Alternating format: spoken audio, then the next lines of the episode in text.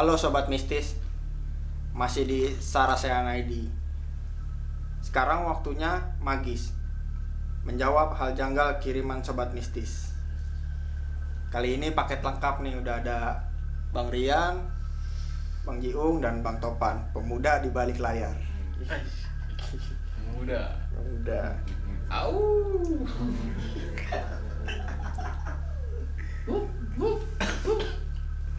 Nih Bang, kali ini udah ada pertanyaan Bang di video kita yang tentang kantong macan Wih. yang pusaka.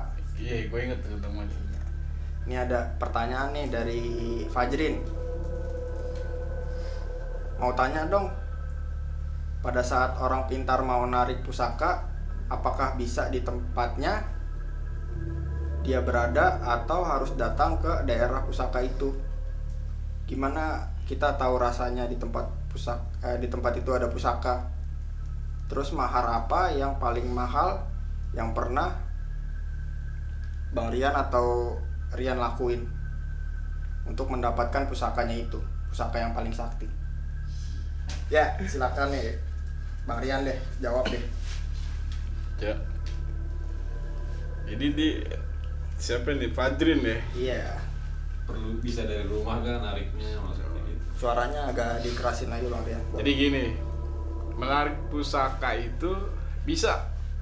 Dari jarak jauh itu bisa. Dari rumah ya contoh misalnya. Eh, lokasinya di di gunung ya. Di gunung atau di tempat tertentu lah. Itu bisa. Eh, caranya itu dengan mengambil tanah tanah tempat tersebut kita bawa pulang gitu. Jadi nanti pada saat dibawa pulang nanti di diritualkan ya dengan cara gimana cara mengambil pusakanya yang yang dikuasai oleh si spir- spiritualnya itu nanti eh, si pusakanya itu akan datang. Gitu karena melalui perantara media tanah yang diambil itu gitu. Berarti sebenarnya dua-dua apa kedua cara itu bisa ya, mau di sana bisa, di tempat spiritualisnya juga bisa. Iya bisa sama dua-duanya sama. Tapi lebih kalau lebih bagus ya datang ke tempatnya langsung gitu. Jadi melakukan prosesinya di situ pengambilannya di situ juga itu lebih tingkat keberhasilan lebih bagus ya lebih tinggi ya. Dan lebih cepat juga keluarnya. Nah, terus ada pertanyaan lagi nih sama nih tentang pusaka dari siapa Bang Topan? kayaknya di KM ada juga Oh, tadi kan iya. si Pak Jun nanya juga tuh mahar paling gitu. Oh iya, Mahar- maharnya belum kejawab. Belum kejawab. maharnya itu mahar secara apa ya Yang Ya, maharnya itu tukerannya gitu tuker ya? ya tuker Iya, tuker tuker. tuker sesuatu yang dimintanya Iya. oleh yang penjaganya ya Iya. Kalau paling mahalnya itu ya ada yang sampai minta korban jiwa itu ada itu kalau khusus penarikan kayak eh, uang gaib ya itu sampai tukar nyawa ya kayak Berarti gitu. itu yang paling mahal Iya, tuh ya? paling mahal itu tukar nyawa ya paling kalau semurah-murahnya Iya, itu semurah-murah. kalau untuk yang murah-murahnya itu eh, minyak biasanya minyak wangi Tapi kalau dia emang mintanya semahal itu bisa dinego nggak tuh Bang? itu kalau dinego ya tergantung dari penunggunya itu maunya gimana semua ya tergantung penunggunya maunya apa gitu kita nego kan Nih ada lagi nih Bang, si Rico. Bang Mm-mm.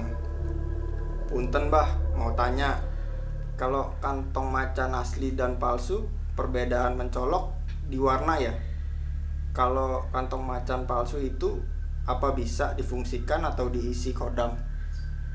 Ini mau jawab siapa nih? Tak dulu nih. Mau jawab siapa? joget yang terus Silakan nih Bang Rian jawab. Perbedaan yang mencolok bang. Perbedaan mencolok itu kelihatan ya kalau misalnya kantong macan itu ya. Itu jelas kalau kantong macan itu ya dari pola warnanya udah berbeda gitu. Dan uh, ukurannya pun juga beda kalau kantong macan itu. Kalau yang itu kan banyak yang diimitasi ya kalau yang beredar ya. Tidak karena tidak tidak agak susah ya mencari itu segampang itu juga mendapatkannya kalau yang Rian punya kan itu bukan dia beli dari orang jual kan sebenarnya ini kan turun turun Iya. begitu datang barangnya turun-turunan secara gaib hitungannya gitu bukannya ada yang jual nih beli gitu. enggak itu ya Perlu ritual juga. udah pasti dapetin itu pasti ada ritual nggak segampang itu gitu Nah, tadi kan kalau yang kantong macan palsu gitu, imitasi atau buatan manusia lah sebutnya. Mm-mm. Nah, itu bisa diisi isi kodam. DC bisa itu jatuhnya seperti media ya atau piranti. Itu tergantung dari keinginan si dukun atau yang mintanya. Gitu si spiritualnya itu ya mau mintanya ya contoh nih bang Jiung nih dateng nih ke dukun. Perlu dukung contoh lambakan lo gitu Lanjut lanjut. ya jadi kalau kalau lebih ke kantong, kantong macan ya biasanya ya pirantinya itu piranti untuk satunya kekebalan keselamatan ya lebih ke di, kedikjayaan sih. Berarti fungsinya beda dengan kantong macan yang asli. beda. Raja beda. Jadi, buat apa? Wibawa ya? Ya kewibawaan menjauhkan gitu. Nggak mau yang ada ditambahin? belum ada yang tambahin Belum ada nih. habis tabungan Habis. saya habis belum ngopi dia belum ngopi Ini kopinya udah jadi. jadi energi. jadi energi airnya salah air pakai air cucian. Air hujan kayaknya. jadi energen Nah, terus ada lagi nih Bang yang nanya Bang. iya apa itu Jadi penyebabnya itu gara-gara nendang bantenan di Bali atau tanpa sesaji ya. tanpa sengaja kali ya Ya, tanpa sengaja. sengaja. Ketika dia pulang ke sini dia langsung gila gitu. ya terus Nah, itu kenapa sih, Bang? Siapa nih yang mau jawab nih? Bang Rian lagi nih. bang Haji bang Jiung bang Jiung Bang Jiung. bukan saudara-saudara Wah, Bang Jiung makan gaji buta nih. Iya, cuman benerin rambut doang nih dari tadi nih. Gondrong serem. ini ini episode ini khusus khusus Iya. Bang Rian Ya ngomong-ngomong mata pedes ya, asep ya. Hal khusus Bang Rian Ya, siapa nih mau jawab? Bang Rian apa? Jadi gini bantenan itu kan intinya kan eh, sesembahan ya, bukan sesembahan ya.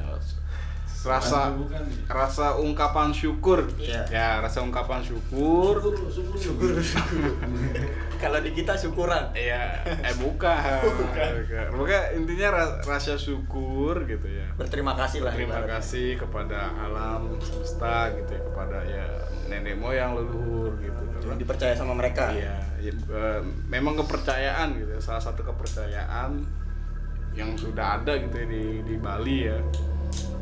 Jadi itu sifatnya kan memang suci eh, atau ibaratnya eh, ungkapan syukur, ter- rasa terima kasih ya. Ya, Mungkin pada saat itu ya si leluhur ini ada di situ gitu. Jadi ya tanpa sadar si siapa ya, temennya itu menendang Tetangganya. tetangganya menendang itu ya marah gitu karena itu kan suci suci Iya, itu ber- sakral lah ya ibaratnya. kesakralannya itu jadi ada rasa ketidaksukaan mungkin ya dia juga setelah menendang itu tidak minta maaf Hmm. nah, makanya terjadi hal seperti itu gitu Ya, mungkin karena dia nggak tahu juga kali ya. Iya, Sampai iya. sesakral itu ya. karena kalau sudah begitu ya memang harus ada yang setahu saya ada upacara upacaranya untuk eh, permohonan maaf itu ada gitu jadi nanti dibimbing pemuka adat sama gitu Nah tapi kalau pengobatannya dari spiritualis di daerahnya gitu bisa nggak bang? Kalau dia tahu penyebabnya gara-gara itu? Bisa juga cuma kan eh, lebih lebih enak ya sebenarnya lebih enaknya itu karena kita menghormati ya ajaran ya, ajaran agama lain gitu lebih menghormati lah intinya. Ya lebih bagusnya sih kalau menurut saya datang lagi ke sana ya eh, berbicara dengan orang yang pada saat tempat itu di tanpa sengaja tertendang ya kita minta maaf ke situ gitu. Itu harus orangnya, harus orang. Nggak bisa diwakilkan. nggak bisa. Karena kan logikanya dia kan udah nyampe misalkan di Jakarta gitu kan. Hmm. Nah kan untuk terbang ke sana kan orang yang gangguan jiwa itu kan agak susah juga. nanti Balik lagi ke sana. nanti bakal sadar Oh ketika dia udah punya niatan mau ke sana juga Iya, paling Perlahan. ada, ada suatu kisah. Ya, kata ini sih kata tetangga gue. Jadi pada saat dia melempar umroh itu tanpa sengaja ada salah satu jemaah lah jemaahnya dia ini membawa batu-batu itu ke rumah gitu. Jadi terbawa lah ibarat memang sengaja dibawa. Dan sampai rumah itu gila gitu. itu mau nggak mau ya harus dibalikan batu itu ke sana. Jadi ketika dia membalikan batu itu ke sana ya dia disembuh langsung otomatis. Balikin batu langsung minta maaf juga gitu ya? Iya karena kan tanpa sadar ya mungkin ada niatan tertentu ya. Mungkin buat oleh-oleh atau souvenir ya dia pikir pusaka kali itu iya Bang. bisa jadi Karena di Balikan sana harus ke sana orang gitu. Indonesia begitu nggak boleh tempat sakral tuh pasti jadiin jimat tuh tempat di Arab tuh sama-sama begitu kain kiswa aja tuh sobek ya berarti itu tempat mempengaruhi juga Iya, Iya. ada aturan tertentu lah. Yang adab ya Oh, yang pernah lo bilang waktu Iya. itu ya pasti ada satu tempat sakral yang sudah dibuat aturan Iya. Karena sudah sudah tempat sakral itu pasti disucikan dulu biar menjadi sakral. Oleh spiritualis. Ya pemuka adat lah Pemuka kalau adat. untuk aga- agama-agama tertentu ya. Jadi zamannya juga bisa beda ya menentukan juga. Kalau zaman zaman sekarang terjadi yang kayak gitu tuh udah bisa dibilang jarang. Karena kenapa tuh bang?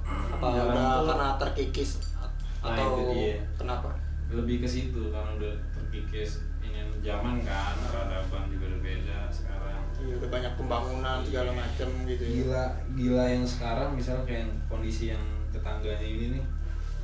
Kalau buat menurut gue itu kan tadi pandangan Mas itu ya Rian ya. Iya siap. kalau di gua sendiri sih gua nilainya ya enggak. Nggak harus gila ilmu ya, enggak, enggak pure itu gila karena sesuatu mistis gitu ya iya Gaib hal ya. yang kayak gitu Harus tapi dilihat balik dari- balik ke kondisi si orangnya juga tetap Oh, tetap harus dipertimbangkan dari dua sisi itu ya bang ya. kalau dari zaman sekarang iya udah pasti Hmm, dari kepribadiannya kalau juga. kita bicara dulu nih belum ada teknologi lah masih eh, dusun sekali lah kayaknya tuh itu masih kayaknya 90% iya tuh kalau sekarang udah. Hmm, lebih besar ya karena ini kepribadiannya dia. bukan kepribadian banyak tagihan hidup. banyak tagihan lebih Gitu, tepatnya gitu, gitu. sama juga sih kalau gue bilang kalau lo tadi ngebahas sajen sajen yang ditendang Iya. sakit gitu ini gue pernah kejadian nyata bener-bener ya. teman gue lihat saja tapi gue suruh tendang Hmm. tapi dia nggak sakit itu gimana caranya ini jadi debat gue loh Mau ngetes. Kok bukannya mau lo apa Gue nanya Gila. Gue nanya Lu BE kadang-kadang Oh, iya. Lu naik darah aja Santai, santai, Ini dia yang dibilang. Jadi gini, kenapa Dukun ya kan? Jadi kenapa nih eh, Bang Haji, Bang Haji kan nyuruh temennya nih, eh lu tendang tuh saja nih tuh. Hmm. Gue lu nggak bakal kenapa-napa. Iya Itu karena satu, kenapa nggak terjadi sesuatu yang hal-hal yang Hmm. yang diceritakan ya, yang didoktrin ya? Karena kan dari awal Bang Haji ini, Bang Giung ini kan mendokrin nih temennya nih, Hmm. lu tendang nggak bakal Iya. kenapa-napa gitu. Jadi sudah disuges duluan gitu oleh Bang Giung nih biar ada rasa timbul, eh iya, gue harus membuktikan keberanian itu gitu. Gue tuh Abang banget. Rian Iya. Jadi gitu. Jadi semua rasa takut tuh sebenarnya bisa diatasi hal-hal seperti itu. Itu kan cuma eh, doktrinan ya sebenarnya. Rasa takut, rasa percaya kali bang. Iya kalau untuk hal-hal seperti itu sebenarnya eh, menjaga sebenarnya kalau saya kalau saya sih setuju hal kayak gitu. Lebih menjaga si kultur dari budayanya itu gitu. Jadi tetap eh, suasana sakralnya itu ada gitu. Memang harus seperti itu gitu. Lebih percaya jadi gila berarti ya. ya gila kan karena memang tidak menghormati. Itu kan kepercayaan orang lain gitu. Tidak tidak boleh seperti itu gitu. Itu Ya. kalau untuk ngetes keberanian ya silakan aja. Nanti geran dicari yang bisa dituntut. Kan bang bang Jiung nih ke hukum gitu aja. Dan kalau gue ngomongin sajen juga nggak semuanya sajen itu ke goib ya Belum tentu tuh sajen itu yang itu goib belum ya, iya kan tadi dibilang itu rasa Iya, rasa rasa rasa, kasih. syukur ke Iya. bumi ke semesta ininya Kan pandangan orang kan kalau di kalau di Bali banyak. intinya seperti itulah Ya ibaratnya kalau kalau di agama kayak sedekah gitulah ya. Bisa nggak? Ya bisa kan sajen aja lah kita taruh sajen ya kan taruh situ bisa aja binatang-binatang kecil yang makan Iya, ngasih Ya, sedekah juga kan. sedekah juga Sedekah ke alam. Bang Haji bagus nih pemahamannya ngomong-ngomong gile tahu akan sedekah ya Oke lanjut nih bang, ada lagi nih pertanyaan nih sama nih namanya nggak mau disebutin. Mungkin nih kasusnya ada yang apa ngalamin di sekitarnya kali ya. Bang, di Kalimantan ada yang dinamakan santet cucak peruntus atau cucak bangkai. Wih, cucak ro. Cucak roh. Mahal rotis. Ini nanyanya udah serem nih bang, kalau udah santet-santet nih. Yang konon kalau kena santet ini bisa sampai mati tanpa ada bekas luka di dalam tubuh atau di luar tubuh. Atau bisa juga hidup namun seperti mayat hidup yang berjalan padahal sudah mati. Bagaimana Bang cara agar terhindar dari hal santet seperti itu? Apakah masih bisa disembuhkan jika seorang yang terkena santet itu seperti apa nih seperti itu hidup tapi mati gitu maksudnya Hmm. bisa nggak disembuhin lah intinya gitu Iya itu yang udah kena santet itu bisa disembuhin ya santet yang dari Kalimantan ini Hmm. Coba dari sudut pandang Bang Jiung nih kita Boleh. puter nih ya Ya kalau menurut gue yang namanya santet ya pasti kan di kemarin-kemarin udah diulas pasti ada penyembuhnya kan Mm-mm. disembuhin pasti bisa disembuhin nggak mungkin nggak bisa disembuhin mau itu namanya santet apa tuh cu- cucap runtus cucu brutus atau Apa pun bangke ya kan. Iya. Ya, apa pun namanya yang bisa mana pun gitu ya ya emang yang setahu gue emang ada di Kalimantan tuh cucu bangke yang dibikin orang hidup kayak kayak mayat hidup gitu ya. cuman apa sih kayak bukan mayat hidup, seperti linglung aja sih itu sebenarnya ya linglung dibuat linglung kayak apa pandangannya gimana kosong gitu sebenarnya bukan ma- mayat hidup cuman dibikin linglung aja gitu Ada obatnya Ya, berarti ada. bisa ya. ada obatnya ya di ritual ritualin lah dengan cara-cara Nggak ritual pakai tramadol bisa Bang? bisa nggak bisa ya pakai tramadol ya? Tramadol bisa Di apa? dipapak aja Di alam udah pasti ada lah ya. Jawabannya itu udah pasti ada. Dari setiap permasalahan pasti ada. setiap orang ada penyembuh ya Penyembuhan udah pasti ada, nggak mungkin enggak. pasti ada kalau dari Bang Topan nih Iya santet kalau apa pun namanya sih sebenarnya sa- sama aja bisa bisa bisa sembuhin. Hmm. Setiap budaya kan pasti ada juga nama-namanya yang mau serem-seremnya kayak gimana juga. Caranya masing-masing spiritual pasti beda-beda. masing-masing wilayah juga beda-beda ya Bisa bisa disembuhin tuh. padahal sih Pak eh, pada dasarnya sama ya semua santet itu kan sampai dibikin menderita lah orangnya gitu kan Iya, itu Intinya sih- banyak. Mungkin kalau ada yang bilang wah itu su- susah itu nggak bisa di ini, mungkin praktisinya ngelihatnya terlalu di kulitnya aja. Harusnya kan kita bongkar dulu ke dalam-dalamnya tuh. Artinya kita lihat dulu. Eh, yang pengetahuan gue ya, kita lihat dulu nih dari karma leluhurnya dia, kita lihat. Terus dari garis tangan nentuin juga sama kayak gitu-gitu. Karena dirinya kita lihat juga itu benahin semuanya. Ya bahasanya diruat lah kalau di Jawa. Kayak gitu diruat dulu dibersihin dirinya dia baru dibikin penjagaan buat dirinya nah itu kan kalau disembuhin bang. Kalau di bentengin dari awal gitu bisa nggak? Bentengin untuk bentengin dalam arti? Dia biar nggak kena santet gitu. Tapi kan tetap kuat kuat kuatan ilmunya kalau kayak gitu. Kuat kuatan ilmu lah. Ada lagi bang Rian mau ditambahin tentang apa ya? Penyembuhan ya iya cucap runtus tadi kalau penyembuhan itu ya bi- dibilang tadi sama abang tampan kita itu Iya. segala sesuatunya itu ada obatnya Iya. gitu. Ada obat. Kalau untuk penanganan pertama ya menurut saya itu P3 kan dong berarti Iya. pertolongan Ada, pertama pada pertama. kesantetan ada itu itu bisa bisa caranya gampang kalau kayak gitu caranya ya cari ini aja dimandikan air garam aja itu seenggaknya mengurangi lah menghilangkan sedikit gitu itu. Sampai cuka lah. Ah itu agak lembek nanti. Gitu. kayak kayak dodol kalau nggak pakai cuka. Perih bang kalau tambah cuka kalau ada korengnya. Udah air garam tambah cuka. Itu kalau kalau untuk ininya ya saran saya bisa bisa disembuhkan itu di di mandi air laut ya mandi di dalam di laut gitu. Itu bisa menghilangkan ya. Tapi kalau untuk efek eh, ini yang per- pertolongan pertamanya kalau misalnya terkena gitu ya dimandikan air garam aja itu bisa mengurangi efek misalnya pada saat jam tertentu sakit nih Hmm. diserangnya nah itu agak bisa menghilangkan lah menghilangkan efeknya. menghilangkan sebentar gitu efeknya kalau mirip-mirip sama iklan gitu. apaan tuh buat orang kok coba-coba Ya. Iya, gitu Itu kenapa pakai harus pakai garam tuh, Bang Rian? kenapa pakai air ga- pakai air garam apa air laut nih air eh garam kan dari laut Bro. ya kan ada air yang air biasa dikasih garam kan dia juga namanya air garam itu Enggak, sakit air gigi garam apa air air laut garam. nih Jadi- Jadi itu jangan bikin Rian gitu. Jadi bingung. kalau air gigi, air tahu.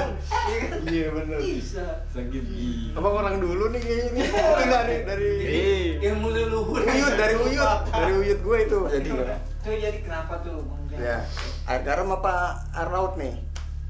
Eh, pokoknya berbau ada garamnya itu itu bisa meng- menghilangkan lah ya menghilangkan efek sihir ya. Sebenarnya kalau metode balik lagi itu itu Cara kan sih. general kan secara general kalau Rian bilang. Sebenarnya tapi kalau di praktisi itu masing-masing punya cara ada yang gue bilang. Caranya masing-masing pasti ada gitu nggak mesti garam juga Iya. tapi secara general kalau lo mau nyoba ya coba itu dulu deh gitu kalau lo ah gue kayak ntar dulu deh ke praktisi atau ke dukun ntar dulu deh gue coba sembuhin sendiri nih Iya, coba dulu yang caranya Bang Rian gitu iya, ya sembuhin atau mungkin ada saran dari kalau nggak juga ya gitu bawa aja langsung ke ahli Iya. Spiritual kan cuman efek efek pertolongan pertama menghilangkan Iya, rasa sakit gitu. efek Tadi. itu kan pertolongan pertama ya Iya. Temen deh, Coba. Bang Rian nih kayak orang PMI ya. Iya. PMI itu darah itu darah itu darah beda Iya, jadi, bukan pertolongan itu Pertolongan pertamanya ada kayak Kalau orang PMI. darah beda Enggak, kalau kata Jiu, namanya juga orang Betawi. Iya. Salah nggak apa-apa. Ya, ngomong salah nggak apa-apa. Orang Betawi. ya. Nyambungnya apa coba ya? Oke nih eh, untuk bertiga nih ada lagi nggak bang yang mau ditambahin dari empat pertanyaan tadi mungkin ada yang kurang gitu Itu buat Bang Rian aja tuh lebih jelasin lagi kantong macannya lah. Kan Bang Rian punya. Kasih ilmunya lah. Bang Rian. tapi itu kantong macan berarti harus diaktifin dulu gitu bang Ih, kayak perdana. Kayak perdana. Kayak perdana. ada Alas regis mata tenggang. ada registrasinya ada ada registrasi dulu jadi sih pakai kartu keluarga. iya SMS ya bang ya teknik sama kartu keluarga Kirim ke empat empat kali. empat empat empat ya benar gak bang harus diaktifin dulu gitu iya, biar harus ada berfungsi gitu ada ritual tertentu yang harus yang harus dilakukan dulu untuk mengaktifkan itu gitu. karena Iya, beli nggak nggak asal beli ya Enggak. Iya. Itu enggak tadi gue bilang beli tuh nggak ada yang beli. Ah, Kalau barang gitu tuh nggak ada yang beli. karena harus ada penyatuan ya keselarasan dari orangnya yang Kalau ingin memiliki gitu jatuhnya ya yang tadi. Yang itu dia yang bilang ya cuma buat untuk Piranti. ya piranti aja. Jadi kalau yang pira yang namanya piranti itu ada masa berlakunya.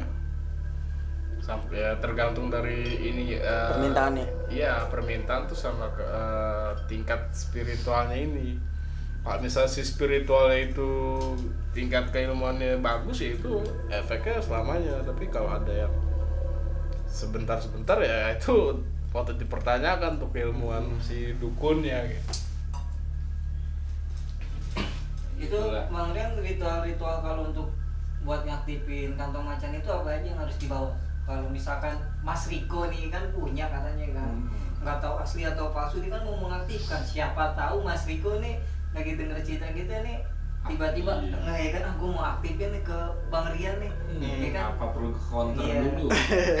Ke kota pakai bawa kartu keluarga sama KTP aktivasinya tadi aktivasinya dikirim via email.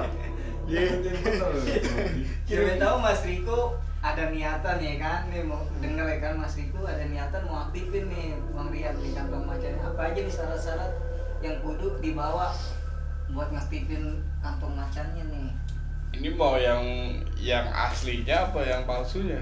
Bicara yang asli, dia Ah, tadi iya kan, bilang. asli? Oh yang asli. Yang asli. Ya asli palsunya lah apa yang dibawa Kalau- syarat-syarat lah Kalau secara aslinya itu pengaktifannya pertama ya langsung itu eh, kalau di ilmu leluhur ya itu ada puasanya puasanya itu kurang lebih 40 hari Puasa apa tuh bang? Itu puasa eh, eh, Enggak puasa yang Puasa bukan secara cara Islam. Islam. iya bukan Oh, bukan, beda. itu puasa puasa pensucian diri ya kalau kalau di keilmuan ya jadi modelnya itu sama kayak puasa mutih ya jenis puasa mutih itu selama 40 hari ya nanti ada doa doanya yang diberikan gitu itu ada doa doanya pada saat penggunaannya itu ya ketika itu aktif memang rasanya itu agak apa ya kalau dibilang ya karena kan dia harus penyatuan dulu nih mengenal nih si si si Tuannya. macan ya penyelarasan energinya dari si ingin mengaktifkan ini atau ingin punyanya sama si energi kantong macannya ini harus satu, Sinergi ya. sinergi maka ada pengenalan Ada lagi nggak mbak ya mbak? Apa bang Gio yang mau ditambahin? Enggak Mungkin tentang santet tadi atau mungkin tentang apa sih penarikan pusaka gitu. Udah cukup ya, bang Topan? Cukup. Ya mungkin sekian aja nih pertanyaan dari sobat mistis yang udah kita jawab, udah kita kupas juga nih ya. Jadi. Iya, kita bahas, kita kupas. bener dong Kan kalau kalau kupas kan itu sampai dalam-dalam bang biasanya. Iya. Ntar kita makan, bisa kita nikmati. ya. Iya. bisa dimakan. Pedih dong kayak sekarang. Buat Mas Riko ya kalau mau diaktifin bisa aja tuh tadi kata Bang Rian puasa 40 kali nanti terus ada dikasih baca-bacaan ya Tentu lah. ada jampenya jampe-jampe dari Bang Rian DM bisa aja DM dulu lah ya. Iya. Pasti dia DM dulu, kasih lihat tuh KM-nya yang DM mana. aja bisa Iya, ke Sarasan. ID ya kan Iya. DM aja ke Sarasan ID nanti gampang lah itu gampang diatur Hmm. sama Barangnya. barangnya barangnya gimana caranya nanti gitu Penting lihat fisiknya dulu ya. Aktifinnya bisa online nggak bang? ya nggak bisa lah kan karena harus ada penurunan ilmunya dulu nggak sembarangan kita harus ngelihat eh, kesiapan mental orangnya juga menurunkan ilmu nggak segampang itu gitu Tuh, jadi harus dilihat kesiapan si orangnya terus kita lihat dulu barangnya itu asli atau enggak gitu. jangan sampai nih kita kita ingin mengaktifkan kantong macan yang aktif malah kantong kukang gitu. Kantong kukang. kan nggak lucu beda. Ya Mas Riko nggak bisa secara online ya. Kalau buat aktif nih kalau untuk video call video call Bang Rian aja bisa. Tapi jangan malam-malam ya. kantong kukang kan cepet kagak jalannya pelan ya kan. Udah mungkin sekian aja kali bang. Ya ini udah terlalu panjang lebar juga nih. Iya, Panjang iya, iya. banget. Dan yang penting jangan lupa dengerin terus